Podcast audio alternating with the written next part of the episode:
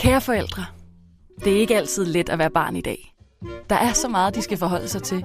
Så meget, de skal lære.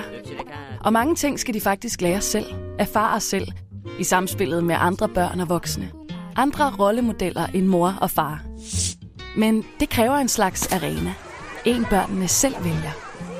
Et sted, hvor de har det sjovt og ubevidst træner en lang række vigtige sociale kompetencer, mens de er optaget af noget helt andet. For eksempel fodbold. Ja, eller roning, tennis, ishockey, motorsport, ridning. Der er masser af muligheder. Bare noget sport. Idræt. I en idrætsforening får barnet nemlig en pause fra både skærm og skole, og lærer at bidrage til fællesskabet og forstå, hvad sammenhold er.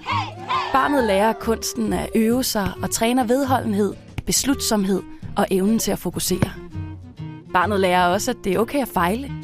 Man kan faktisk blive bedre af det, for fejl er brændstof til læring og udvikling. Og så er det jo en kæmpe succesoplevelse, når barnet pludselig lykkes med en finte, en detalje for første gang. Det giver selvtillid og er med til at opbygge en sund selvopfattelse. Selvfølgelig oplever børn både at vinde og tabe, og det skal de også, for det ruster dem til at håndtere medgang og modgang.